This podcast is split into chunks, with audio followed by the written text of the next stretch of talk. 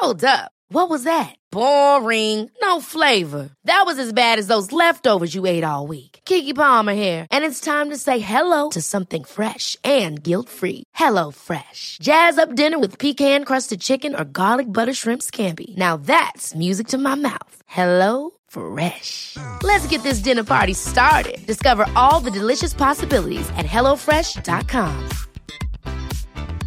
Hey, it's Danny Pellegrino from Everything Iconic. Ready to upgrade your style game without blowing your budget? Check out Quince. They've got all the good stuff shirts and polos, activewear, and fine leather goods, all at 50 to 80% less than other high end brands. And the best part? They're all about safe, ethical, and responsible manufacturing.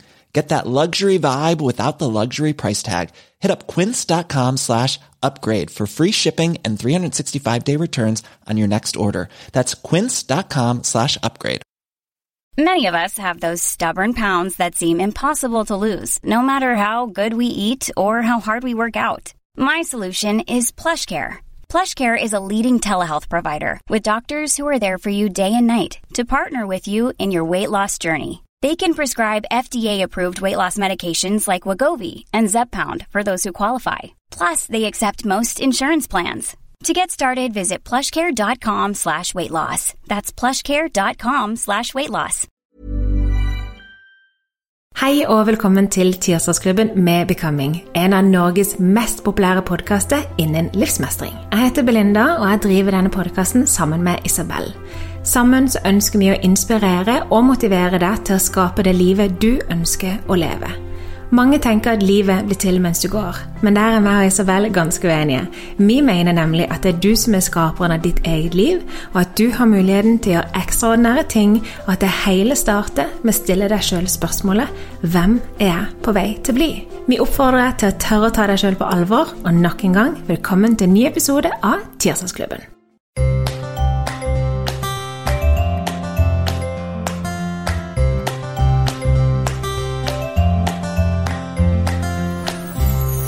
I størstedelen av mitt liv så har jeg levd med indre uro. Jeg trodde egentlig bare det var sånn jeg var. Jeg var ikke helt sikker på om det fantes mennesker uten indre uro. Men jeg syntes det var veldig veldig ubehagelig, spesielt fordi det gjorde at jeg ikke alltid kunne være til stede i en samtale, i en joggetur, i en treningsøkt, i når jeg kjørte bil. Jeg var liksom overalt.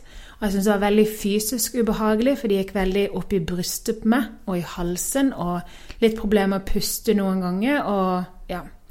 Så møtte meg og Isabel dere ja, Vi møtte hverandre igjen for et års tid siden, og vi skulle begynne å dykke inn i livsmestring og alt dette her. På den tida så skjønte jeg at jeg var som ei stor gryte som bare sto og bobla og kokte med lokk på ovnen. Du vet denne, når, når, når, det bare putrer og lokket går litt sånn denne drrrn, sant? Rett før du må ta av lokket. Det var meg. Det var min indre uro. Jeg trodde at indre uro var én følelse, det var én ting.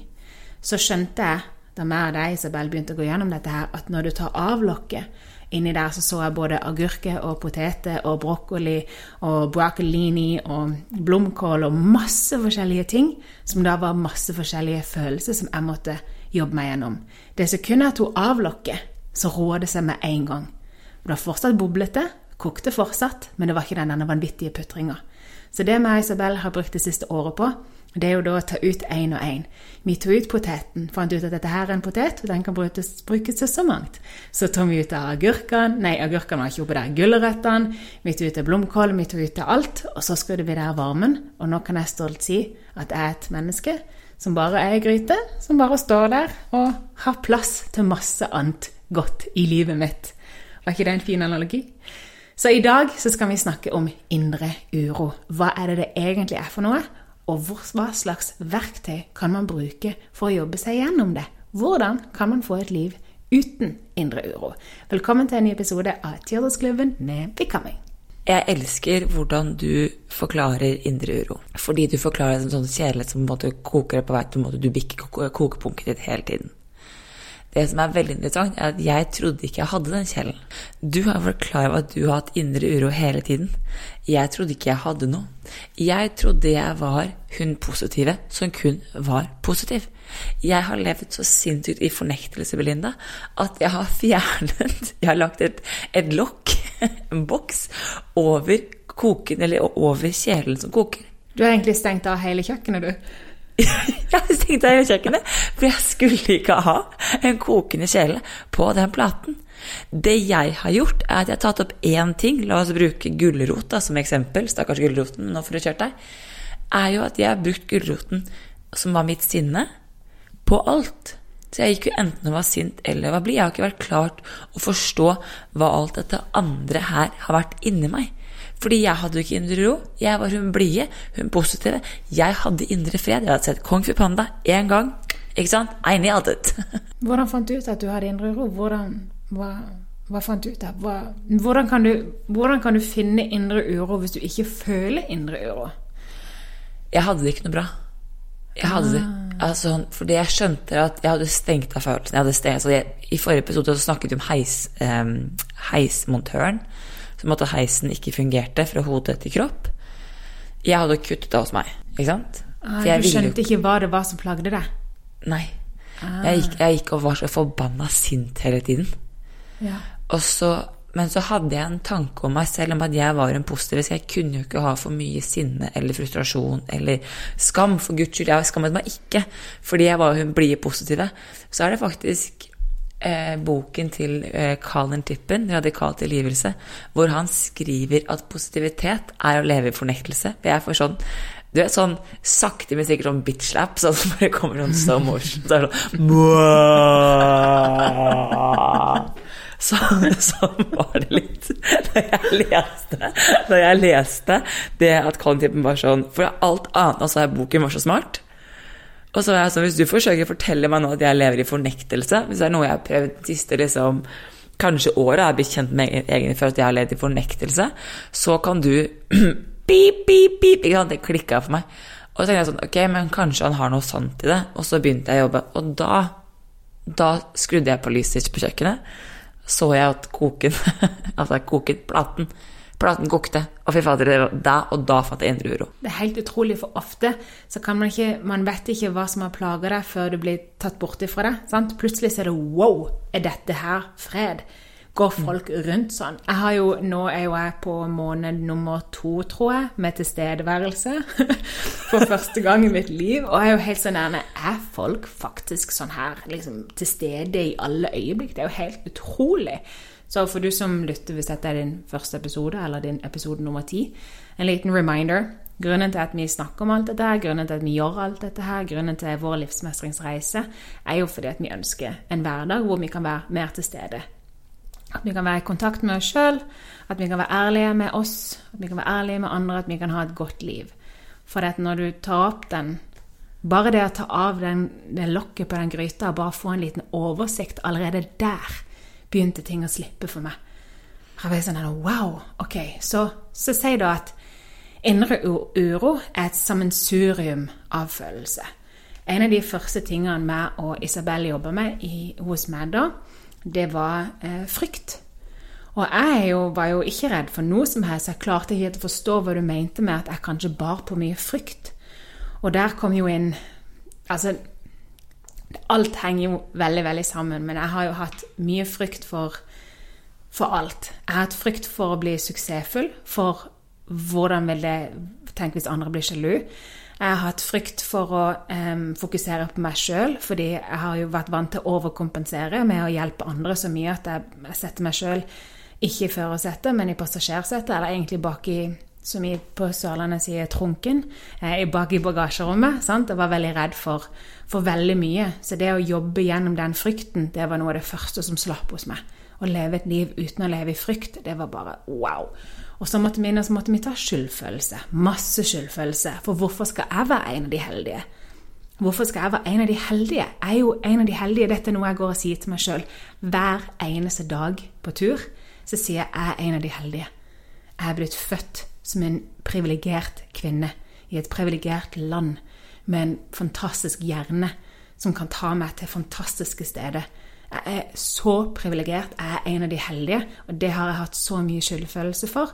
Nå, etter mye jobb, så har jeg klart å snu det til en vanvittig takknemlighet, og jeg føler et ansvar for å gi tilbake. Så jeg gjør alt jeg kan for å skape et liv som kan være veldig beneficial for andre. Sånn som da med å skape et feriehus i Spania, hvor andre kan få lov til å feriere. Nå har jeg hatt ei venninne her i fire dager, og hun sa til meg i går, så sa hun Belinda, denne turen har vært medisinsk. Og det var helt sånn nærme. Wow. Jeg er så privilegert. Jeg kan bruke mitt privilegium til å gi noe sånn til noen andre. Det føles så godt. Men det å jobbe gjennom den frykten det å, det var, Jeg husker ikke når det siste som slapp. Det var vel nå for et par måneder siden jeg sto i min lille identitetskrise, hvor jeg måtte gi slipp på det jeg hadde identifisert meg som tidligere. Sant? Jeg måtte gi slipp på det å bare være tante, bare være søster. Egentlig den overkompenseringa jeg har holdt på med. Jeg måtte gi slipp på den og, prøve å se hvem jeg er som en full, fullbåren kvinne. Hvis jeg bare skal være meg. Hvis jeg skal være rak og selvsikker og suksessfull og god. Hvem er jeg som den kvinnen? Og når jeg da klarte å gi slipp på den dårlige samvittigheten for at jeg ikke lenger kan være en søster på fulltid eller tante på fulltid eller alt dette her, da slapp en av de siste tingene som har gitt meg den indre uroen. Og det var jo da jeg våkna opp i, en, i tilstedeværelse og bare Wow, this is crazy. Men jeg vil også bare si liksom at bare sånn at vi har sagt det, for jeg elsker det du sier, jeg bare sånn Det å ha en dårlig dag, og det jeg kjenner på en ubehagelig følelse, det er ikke indre uro. Nei. Bare sånn vi kan få liksom skille på det. Fordi det er ikke noe galt i å ha indre uro. Jeg har fortsatt indre uro. Forskjellen er bare at jeg vet hva jeg skal gjøre med den når den kommer. Ja. Jeg vet akkurat hvordan jeg skal håndtere den. Jeg vet sånn, altså Senest i tidlig så sto jeg på stuegulvet her, og jeg raste, og jeg klikka, og jeg klikka, og jeg danset med det mørke. Og jeg i ren sinne. Og jeg skrek og liksom slo i sofaen inntil jeg skjønte at Isabel Og da kom det, ikke sant? Holdt på, holdt på i 40 minutter. Da kom det. Du kontrollerer. Nå er du redd. Og så er jeg sånn Ok, greit. Men jeg klarer fortsatt å håndtere den, den følelsen. Så det er det at det er ikke at den måten, det blir ikke så overveldende lenger. Den tar ikke over. Den får ikke lov å styre. Den som er i førersetet, er alltid meg. Så kan liksom følelsene være i bilen, i passasjersetet, ikke sant? Men de får aldri lov å komme og ta over kontrollen. Og det er fordi det var en, en følger av oss, en lytter av podkasten, som spurte hva gjør du med indre uro? Blir du bare sittende i den? Aksepterer du den? Hva gjør du? Og så er det litt sånn Her er det litt smak og behag. Fordi for noen mennesker, jeg er typen, så må jeg gå det av meg. Og så er det noen, noe liksom i det begrepet når følelsene blir for sterke, som jeg kan klare å håndtere på egen hånd, og så er det innimellom jeg trenger hjelp. Og det er så veldig viktig å vite forskjellen på de to tingene der. Og så er det å prøve å Hvis vi igjen ser på indre som, indre uro, uro som hele den gryta Så jo mer i kontakt med deg sjøl du kommer, jo mer du blir kjent med deg sjøl, jo mer kan du finne ut av hva er det egentlig som hopper og skriker inni der. Er det poteter, eller er det gulrota? For meg, eh, for jeg får fortsatt eh, indre Altså, jeg får indre uro, og så står jeg bare som kung fu panda bare tju, tju, Jeg vet akkurat hva jeg skal gjøre for bare gone, be gone. Og eh, spesielt er det frykten som kommer hos meg. sant? For what if? Hva hvis dette her går strak av veien åt helsikan? Vi har jo gjort en vanvittig livsendring på alle nivå. Personlig, eh, location, eh, jobb, egentlig alt. Så jeg tar tak i den og jobber med den videre. Men det er jo der disse verktøyene har vært så fantastiske. For du må vite hva er det som koker. For indre uro er ikke én følelse, det er alle følelsene. Så du må gjøre jobben, du må gå inn i deg sjøl, og du må sette deg ned igjen med penn og papir og begynne å skrive. Hva er det egentlig du føler? Gå tilbake, gå tilbake, gå tilbake. Hva, når har du følt dette her før? Hva er det som trigger deg? Sant? Jeg har jo sagt det før, at sånn, hos meg vi har en tendens, vi mennesker, til å liksom Vi kjenner én følelse, og så er alle følelser den følelsen. Det blir som en sånn cover-up. Det blir som en glasur på en kake. Alt jeg føler, er det. For meg har det vært sinne. Lett sinnefrustrasjon. Den kan jeg. Det er dritgod på det, ikke sant? Du er jo em, frykten Nei, det er ikke det. Hva er din egentlig? Det vet jeg ikke helt. Um, oi.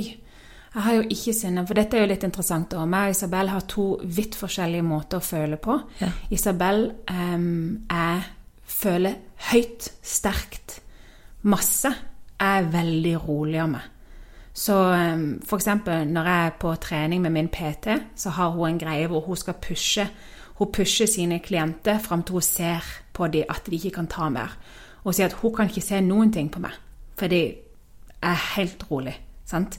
Og det er jo litt sånn jeg kan håndtere ting. Hvis ikke du kjenner meg godt nok, så er jeg helt rolig. Jeg har ikke behov for å eh, hoppe eller danse av glede. Jeg har ikke behov for å sparke eller skrike av sinne. Jeg har liksom ikke sånn utagerende følelse.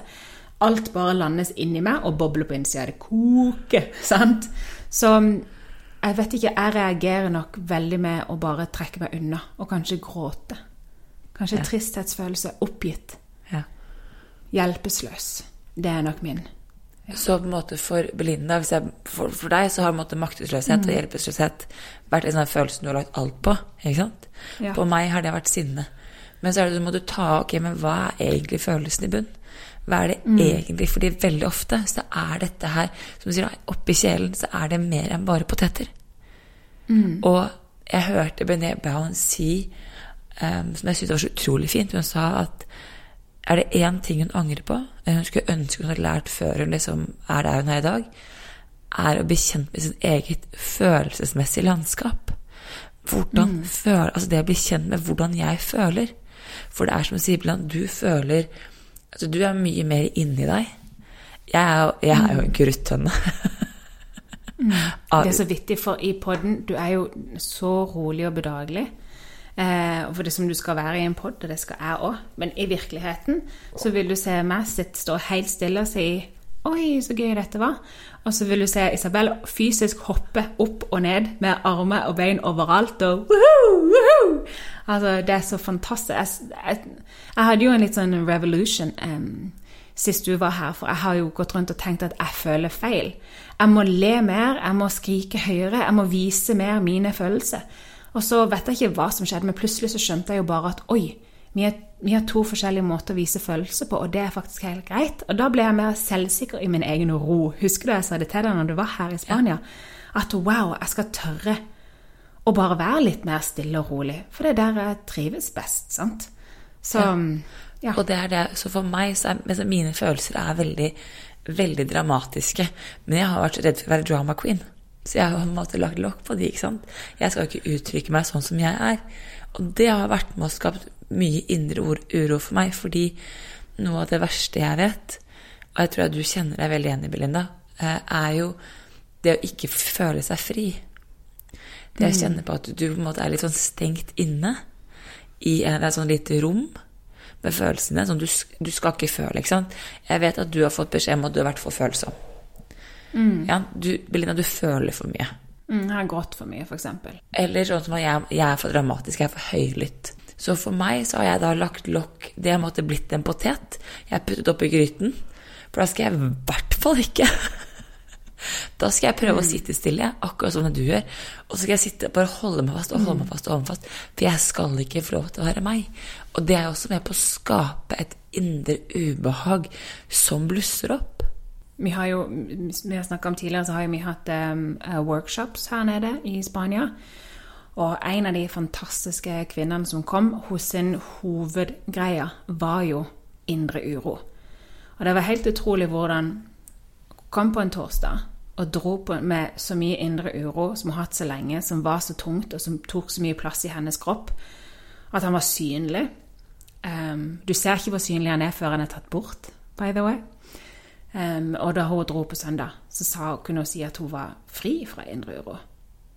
Det er jo helt utrolig at man faktisk kan ta av det lokket og virkelig gå gjennom alt. Hvilken verktøy vil du si sånn rent spesifikt, hvis du kan nevne tre-fire ting man kan gjøre for å begynne å ta tak i indre uroen, hva, er, hva anbefaler du, Isabel? gå tur. Det er så mange mennesker som Og dette her mener jeg det er kanskje noe av den største feillagelsen for folk gjør. Følelser er energi i bevegelse. Men vi mennesker vi foretrekker å sitte inne og kjenne på indre uro. Det å komme seg ut Å sitte og scrolle på telefonen og sette på musikk og ta på serie, ja, Nummeren ut. Nummer. Verste du kan gjøre. Så hvis du kjenner på at det er, at det er mye som skjer inni deg, gå en tur. Gå en tur i skogen, eller gå en tur et eller annet sted. Og så har jeg, jeg har snakket mye om skriving, for det er på en måte til nummer to. For de som syns skriving er vanskelig, så vil jeg anbefalt lydbånd og snakke med deg selv. Men jeg anbefaler faktisk å hente frem et lydbånd. Altså laste ned en sånn lydbånd, ta opp lydbånd på telefonen-app. Det var, tror ikke jeg det heter, men du skjønner hva jeg mener. Og så Den er appen som heter 'ta opp lyden på telefonen når du er inne i uro'. Nei, en, det å ta deg selv opp så du hører deg selv prate. For det er noe med den, den på en måte forpliktelsen. Det er ok, men nå skal jeg få lov til å snakke med meg selv. Fordi veldig ofte har vi behov for å på en måte få det ut. Det er tips nummer Du skal ikke høre på det etterpå, men du skal bare tillate deg selv å få det ut. For vi, vi sitter Vi kjenner på uro, vi kjenner på indre uro, og så holder vi. Og vi holder og vi holder. Og vi graver oss lenger og lenger og lenger innover. Mer ned i drittet og møkket i frykten for å måtte Ok, men la oss bare gå, da. For det å skifte, og det er et sånt tips nummer tre, er skift miljø. Skift rom. Skift et eller annet. Gjør et eller annet. Jeg, det husker jeg det noe det første jeg sa til deg i California, at du må skifte sted du er. Du må skifte miljø. Jeg hadde masse masse indre uro da jeg studerte i California, der som jeg og Isabel møttes, for min far lå hjemme med kreft, og vi visste ikke hvordan ting ville gå. Em, og jeg hadde så mye indre uro. Pulsen min var maks hele tida, jeg fikk ikke sove på nettene. Og det var det, rådet, første rådet du ga meg, det var ut av rommet, skift miljø. Du kan ikke sitte i den energien du har skapt i dette rommet, ut. Og den bruker jeg eh, nå. Og jeg har jeg har brukt eh, de verktøyene jeg brukte mest før meg jeg begynte. Det var jo da binging på Netflix. Eh, Det kan jeg si. Det er et plaster på et ulmende sår som ikke fungerer i lengden. Det var eh, alkohol. Eh, kan dessverre si òg. Skulle ønske at det var løsninga, men det viser seg at det var òg et plaster på et ulmende sår. Og så var det nikotin og scrolling. Så da jeg kom ned hit til Spania, så bestemte jeg meg jo for, eller jeg innså at hva enn jeg har gjort før, så har det ikke funka. Så jeg må slutte å være sta. Jeg må slutte å, å, å ha så sterke meninger om hvordan jeg skal leve, mitt, for, leve livet mitt. For alt jeg hadde gjort, hadde satt meg i en situasjon hvor jeg hadde mye indre uro. Jeg må nødt til å gjøre noe stikk motsatt. Så jeg tok jo ikke med meg inn i 22, fikk ikke scrolling, binging, eh, nikotin, alkohol eller sukker få lov til å ta plass. På den måten jeg tar plass tidligere. Så jeg eh, måtte gjøre det motsatte. da. Jeg måtte begynne å gå, jeg måtte begynne å skrive. Jeg måtte begynne å ta av dette her lokket og finne ut av hva som er inni der. Og det er bare Altså, det er helt utrolig at ikke det fins på resept. At jeg kan på to, tre, fire måneder få bli kvitt noe som er båret med meg i sikkert 30 år. Det er helt sykt at det faktisk går når du bare gjør jobben. Men å høre på denne podkasten eller lese denne boka, det er faktisk ikke nok. Du må gjøre jobben. Du må sette deg ned, og du må skrive ned dine forbaska følelser. Du må finne ut av hva det er som egentlig plager deg. Du må, hvis ikke du klarer det sjøl, ok, da må du finne en person som kan hjelpe deg. Du må gjøre jobben. Men det å, det å gjøre det er helt fantastisk. Og når du da, det første du gjør, er å kutte ut scrolling, whatever numne greier du har brukt for å dempe din indre uro. Bare eliminer den. Bare si fra meg nå. Bruk Irina Lie sitt, eh, sitt fantastiske verktøy. 99 er vanskelig, 100 er lett. Sett en strek, og begynn. Gå tur, snakk, skriv ned, bli kjent med deg sjøl. Det er så mange av oss som er så redd for oss sjøl. Vi er redd for å se oss i speilet. Vi er redd for å se et bilde av oss fra en vinkel hvor vi kan se stygge ut. Vi er redd for å se en video av oss. Vi er redd for å høre stemmen min og bare Oh my God, høres jeg sånn ut? Æsj! Vi er redd for å bli eh, konfrontert med våre skyggesider. Vi er livredde for oss sjøl. Men hva hvis du faktisk kan skape et rom hvor du kan akseptere deg sjøl? Du kan se en video av deg sjøl filma bakfra. Du kan se en ryggvalk og tenke ok, den ryggvalken der sitter på en fantastisk kropp, det er helt greit. Du kan høre stemmen din og bare ok, det er min stemme. Og du kan akseptere dine følelser, både dine såkalte dårlige følelser og dine gode følelser, som en helhet, som alt det som er med på å bygge deg. Da kan jeg love deg at den indre uroen din begynner å slippe litt taket. Jeg elsker når du er litt streng. Altså nå Ja, Jeg har ikke hørt deg så streng før. Og nå ble jeg litt sånn Damn, girl! Altså, hæ? Dette er ja magisk. men det funker jo! Det funker Men, jo! men det er som du sier, og det er, det er så fint, fordi eh, Du tok det liksom Nå tok du liksom bad cup, så nå kan jeg være good cup. Ja. Du trenger ikke være så hard med deg Nei, men, men det, er, det er som du sier, Linn, at det er Skal Hvis du ønsker en endring, så må du faktisk forplikte deg til det. Vi er så sinnssykt gode til å sitte og snakke og snakke og snakke og snakke og snakke og snakke og tenke og tenke og tenke. og tenke. Og, eller la meg reformulere. De er så sinnssykt gode til å ønske og ønske og ønske og ønske og dagdrømme oss bort i et liv vi skulle ønske vi kunne hatt, som hadde vært perfekt hvis når da det skjer. Istedenfor å spørre ok, hvis det er det livet jeg vil leve, hva gjør jeg nå istedenfor? Vi bruker mm. dagdrømmer som en virkelighetsflukt, for vi orker ikke å ta tak i det som er her og nå. Og vi lurer på hvorfor mm. den indre uroen fortsetter å bygges opp. Indre uro er en beskjed. Selvfølgelig, hvis det er intenst indre uro, så er mitt tredje råd Jeg tror jeg kom til to. Tredje rådet mitt, det er faktisk det å spørre om hjelp. Enten en god, mm. en god eh, venninne eller venn, eller faktisk tørre å investere i seg selv. Fordi jeg kan garantere deg at den investeringen du gjør i eget, i deg selv, i verktøy, i din, i din emosjonelle verden, vil være så sykt verdt det lenger frem i tid, hvis du tør å gjøre jobben. Altså sånn, jeg kan garantere deg det. Og som regel så er det verste igjen Det verste er å gå inn og ta av det lokket. Etterpå det så blir ting lettere. Jeg kan huske for noen år siden så gikk jeg i traumeterapi etter min far eh, døde av kreft. Og um, når du De som har stått i kreft, det, det er så barbarisk. Det er ikke min verste fiende å være vitne til det. Én ting er at du mister et familiemedlem, men det å stå og se på når noen dør, det var i hvert fall ikke jeg skapt til å håndtere veldig godt i etterkant. Å se på at noen og min far han kjempa veldig til siste slutt. Og det er jo så forferdelig å vite at han døde av at lungene ble fylt med vann. Så det vil si at han lå i en sykeseng foran oss og drukna. Mens han kjempa med armer og bein imot, og vi måtte holde han. Sånn døde min far. Mens han kikka oss inn i øynene. Kunne ikke snakke. Kunne ikke gjøre noen ting. Men det bedende blikket det var som han tenkte Hvorfor er jeg drukner? Hvorfor er det ingen som kan hjelpe meg? Det er liksom realiteten av når jeg bare 'Å, du mista din far til kreft, så synd, han blir bare 58.' Ja, jeg sto og så på at han drukna rett foran meg. Yes, stemmer det. Og i etterkant var jo dette her helt forferdelig. Det skulle gå noen måneder, og så kom den stille sorgen i etterkant, et halvt år etterpå, når alle andre har gått videre, og du sjøl ikke har bearbeidet noen følelse. sant? Så eh, begynte ting å gå dårlig for meg. Og jeg eh, måtte da eh, gå til fikk traumeterapi av fastlegen. Og hun var helt fantastisk. Hun hadde en sånn whiteboard inne på sitt kontor hvor hun tegnte opp en, en strek som gikk sånn svakt oppover. Så kom det en haug, og så gikk det en strek svakt nedover.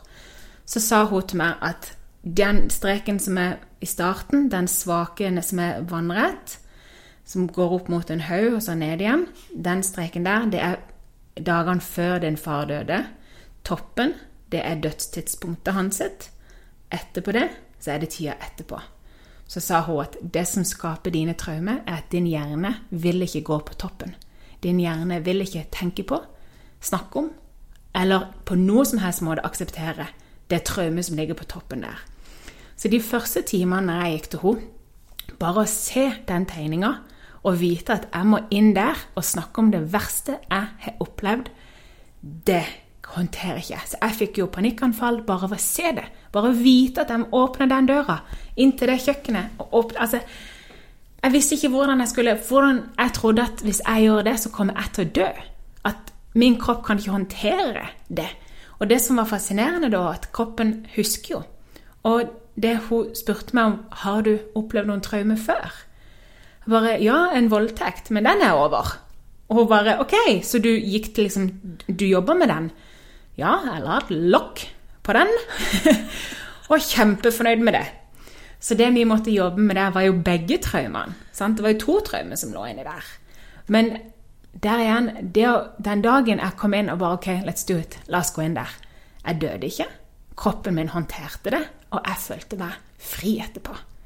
Da forsvant det mye fra min kropp. Så hvis du sitter med masse uro De fleste er så livende redde for hva den uroen kan være. Men jeg er her til å fortelle deg at du kan faktisk klare det.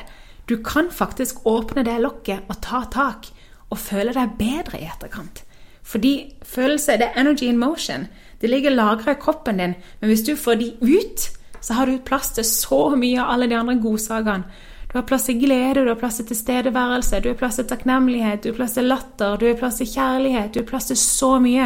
Men hvis du hele tida skal gå og bære på det denne tunge skrekken og frykten for, for hva som kan skje hvis du tar tak i det, så er det ikke plass til så mye annet.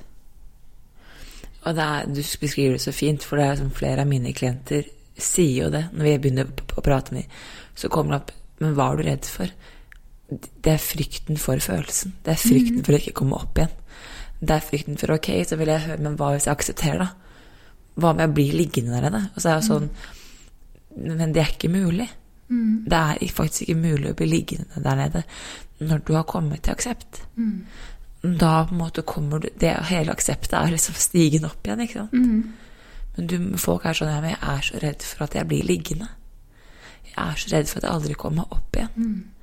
Så frykten for å gå ned, da, eller inn, eller For det er på toppen av fjellet er frykten for å aldri komme ned igjen. Mm. Og så er det sånn som er så fint, fordi eh, en veldig god psykologvenn av meg hun sa, mener at Det er jeg helt enig med henne At hun ser på som sånn vandrende sår som går rundt i livet, og som måtte prøver å helbrede hverandre, de sårene vi bærer, da, i ulike relasjoner og situasjoner.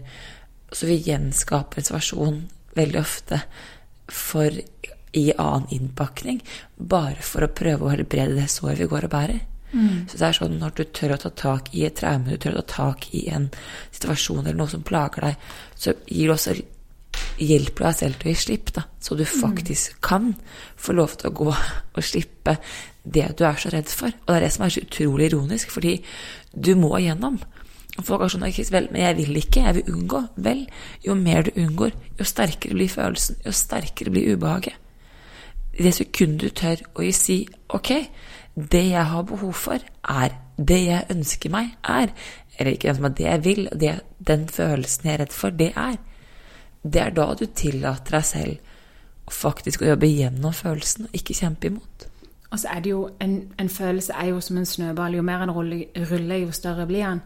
Um, og det som er fascinerende, da, at hvis du føler Sånn som traume jeg har følt med min far, det hadde jeg følt uansett. Men det ble jo forsterka fordi at det ble lagt på traume fra min voldtekt. Hvis jeg ikke hadde håndtert begge de to, så er jo de sammen så er jo de større. Hvis Jeg nå, jeg skal jo ha flere traumer i mitt liv. Jeg kommer til å miste flere familiemedlemmer og miste hunder og gå gjennom garantert flere ting. Og da er det jo denne fantastiske sayingen av Robin Sharma eh, Hvis det er hysterisk, så er det historisk. Altså hvis du føler noe vanvittig for noe, så er det garantert at her er det en historie. Her er det en snøball som har rulla, og den nye følelsen du føler nå, som du ikke skjønner hvorfor du reagerer så sterkt, det er lagt på tidligere ganger du har følt det. Og vi er så flinke til å sammenligne situasjoner og opplevelser. Men vi må begynne å sammenligne følelser. Når var sist du følte dette? Har du jobba deg gjennom den følelsen sist gang, eller har du bare godtatt opplevelsen eller whatever og gått videre. Så det å ta den ryddejobben der, det å liksom hakke ned den snøballen og passe på at du kan få lov til å Neste gang du skal oppleve noe, så kan du få lov til å oppleve kun det. Uten at du må håndtere alt det andre som har skjedd der tidligere. For da er jobben stor, altså. Og her vil jeg faktisk komme inn i Vi har jo i en tidlig episode av Tirsdagsklubben så har vi snakket om radikal tilgivelse og det skjemaet til Karl Tippen. Og det er faktisk noe jeg vil anbefale folk å bruke her. Er, hvis det er, som du sier, da, en situasjon som er hysterisk, ikke det er historisk, bruk det skjemaet. Tør å se hva er fakta, hva er historien du forteller deg selv. Kan du vise skjemaet en gang til, eller bare fortelle om skjemaet en gang til? Så skjemaet er der Du deler opp et ark i fire. Øverst til venstre Ja, det er venstre, ikke sant? Det er mhm. venstre. Jeg er veldig dårlig på å høre venstre. Så er det hva er fakta hva, hva er det som faktisk skjer i situasjonen? Fakta er sånn Fakta nå er Belinda og jeg spiller pod. Det er fakta. Så er det da hva, hvilke følelser kjenner du på? Hvilke følelser er det du kjenner på i situasjonen? Ikke sant? Sånn som her nå. Eh, inspirasjon, glede, ikke sant? Veldig fornøyd fordi Belinda har en kjole, bare si det, som innimellom viser nipplene, så er det så, det er så gøy. For det er så frihetsfølelse. Jeg, bør, jeg, må, jeg, må, begynne å bry meg litt mer om når jeg viser nipler og ikke. Det er nydelig. Anyways, er, jeg, jeg, føler meg fri på dine vegne. Det er nydelig. Ja, det er uh, og så har du da nederst til høyre, så har du eh, når du har opplevd lignende følelser før. Så det er ikke nødvendigvis når situasjonen er lik, men hvor kombinasjonen av følelser og tanker er lik. Fordi nederst, eller bortest nederst til høyre Ja, sorry. Nederst til venstre, nederst til høyre, nederst, nederst til høyre. Der skal du skrive historien du forteller deg selv. Hva er den tanken som drar deg videre? Er det jeg et problem? Jeg er ikke god nok? Andre er viktigere enn meg? Jeg får det ikke til. Altså, hva er den tanken du har om deg selv, som drar disse følelsene og det såret du bærer videre? For da kan du begynne å se et mønster i oppførselen av du har, og hvilke situasjoner du tiltrekker deg, og måtte bli en del av livet. Denne, hvis du scroller litt på Instagram-kontoen vår som bare heter at becoming the podcast, så har vi lagt ut en liten tegning av det på et tidspunkt. Så det kan jeg virkelig anbefale. Og hvis du har lyst til å um, lære litt mer om følelser, ikke er så glad i å lese bøker, så kan jeg, ha, kan jeg anbefale um, på HBO Max, hvis du har den. Der har Brené Brown nå 'Atlas of the Heart' i episode, hvor hun da forteller og forklarer 30 grunnleggende følelser. Og jeg har hatt et par aha-opplevelser der allerede. Og eh, selvfølgelig boka og 'Atlas of the Heart', så, eh, men på HBO det er veldig fint å se hun forklare på den måten hun forklarer på, for hun gjør det utrolig enkelt å forstå. Eh, dette kompasset over hjertet. Og jeg liker den tittelen så veldig, veldig godt. Mm. så jeg tenker at hvis du har lyst til å lære enda mer om følelser, så har jo jeg et kurs på Mikrosteg. Yes. .no. Bli bedre kjent med følelser. Hvis du liker måten jeg tenker på og har lyst til å lære mer, så kan du logge igjen der. Mm. Og eh, Instagrammen din òg. At Isabel Engelhardt. Der er det jo fantastiske mange reels. Og der òg ligger der en øvelse som heter waterfall, hvis du skal da jobbe deg gjennom uroen din, som jeg òg vil anbefale deg som lytter til å gå inn og se. Og fram til da så setter vi veldig pris på tilbakemelding fra dere. Jo flere gode stjerner inni podkast-appen, og jo flere hyggelige tekster der om hva dere syns om denne episoden, jo bedre er det for oss å kunne ta det videre til hele teamet vårt, og for å kunne videreutvikle denne podkasten. Og eh, ja, det var egentlig det vi hadde for i dag. Var det ikke så? Ja. Okay. Altså, happy for, fordi jeg vet at det kommer ut i morgen. Jeg håper dere har en magisk dag i morgen. Det er 17. mai i morgen. Ja, happy birthday Norway. Happy birthday Norway. ha det. Planning for your next trip? Elevate your travel style with Quince. Quince has all the jet-setting essentials you'll want for your next getaway, like European linen, premium luggage options, buttery soft Italian leather bags, and so much more and it's all priced at 50 to 80% less than similar brands. Plus, Quince only works with factories that use safe and ethical manufacturing practices. Pack your bags with high-quality essentials you'll be wearing for vacations to come with Quince. Go to quince.com slash trip for free shipping and 365-day returns. Hold up. What was that? Boring. No flavor. That was as bad as those leftovers you ate all week. Kiki Palmer here, and it's time to say hello to something fresh and guilt-free. Hello Fresh. Jazz up dinner with pecan-crusted chicken or garlic butter shrimp scampi. Now that's music to my mouth. Hello Fresh. Let's get this dinner party started. Discover all the delicious possibilities at hellofresh.com. Hey, it's Paige DeSorbo from Giggly Squad. High quality fashion without the price tag. Say hello to Quince. I'm snagging high-end essentials like cozy cashmere sweaters, sleek leather jackets, fine jewelry, and so much more. With Quince being 50 to 80% less than similar brands. And they partner with factories that prioritize safe, ethical, and responsible manufacturing. I love that. Luxury quality within reach. Go to quince.com slash style to get free shipping and 365 day returns on your next order. Quince.com slash style. Mom deserves the best, and there's no better place to shop for Mother's Day than Whole Foods Market. They're your destination for unbeatable savings, from premium gifts to show-stopping flowers and irresistible desserts. Start by saving 33% with Prime on all body care and candles. Then get a 15-stem bunch of tulips for just $9.99 each with Prime. Round out Mom's menu with festive rosé, irresistible berry chantilly cake, and more special treats. Come celebrate Mother's Day at Whole Foods Market. Imagine the softest sheets you've ever felt. Now imagine them getting even softer over time. That's what you'll feel with Bowl and Branch's organic cotton sheets. In a recent customer survey, 96% replied that Bowl and Branch sheets get softer with every wash. Start getting your best night's sleep in these sheets that get softer and softer for years to come. Try their sheets with a 30-night guarantee. Plus, get 15% off your first order at bowlandbranch.com. Code BUTTERY. Exclusions apply. See site for details.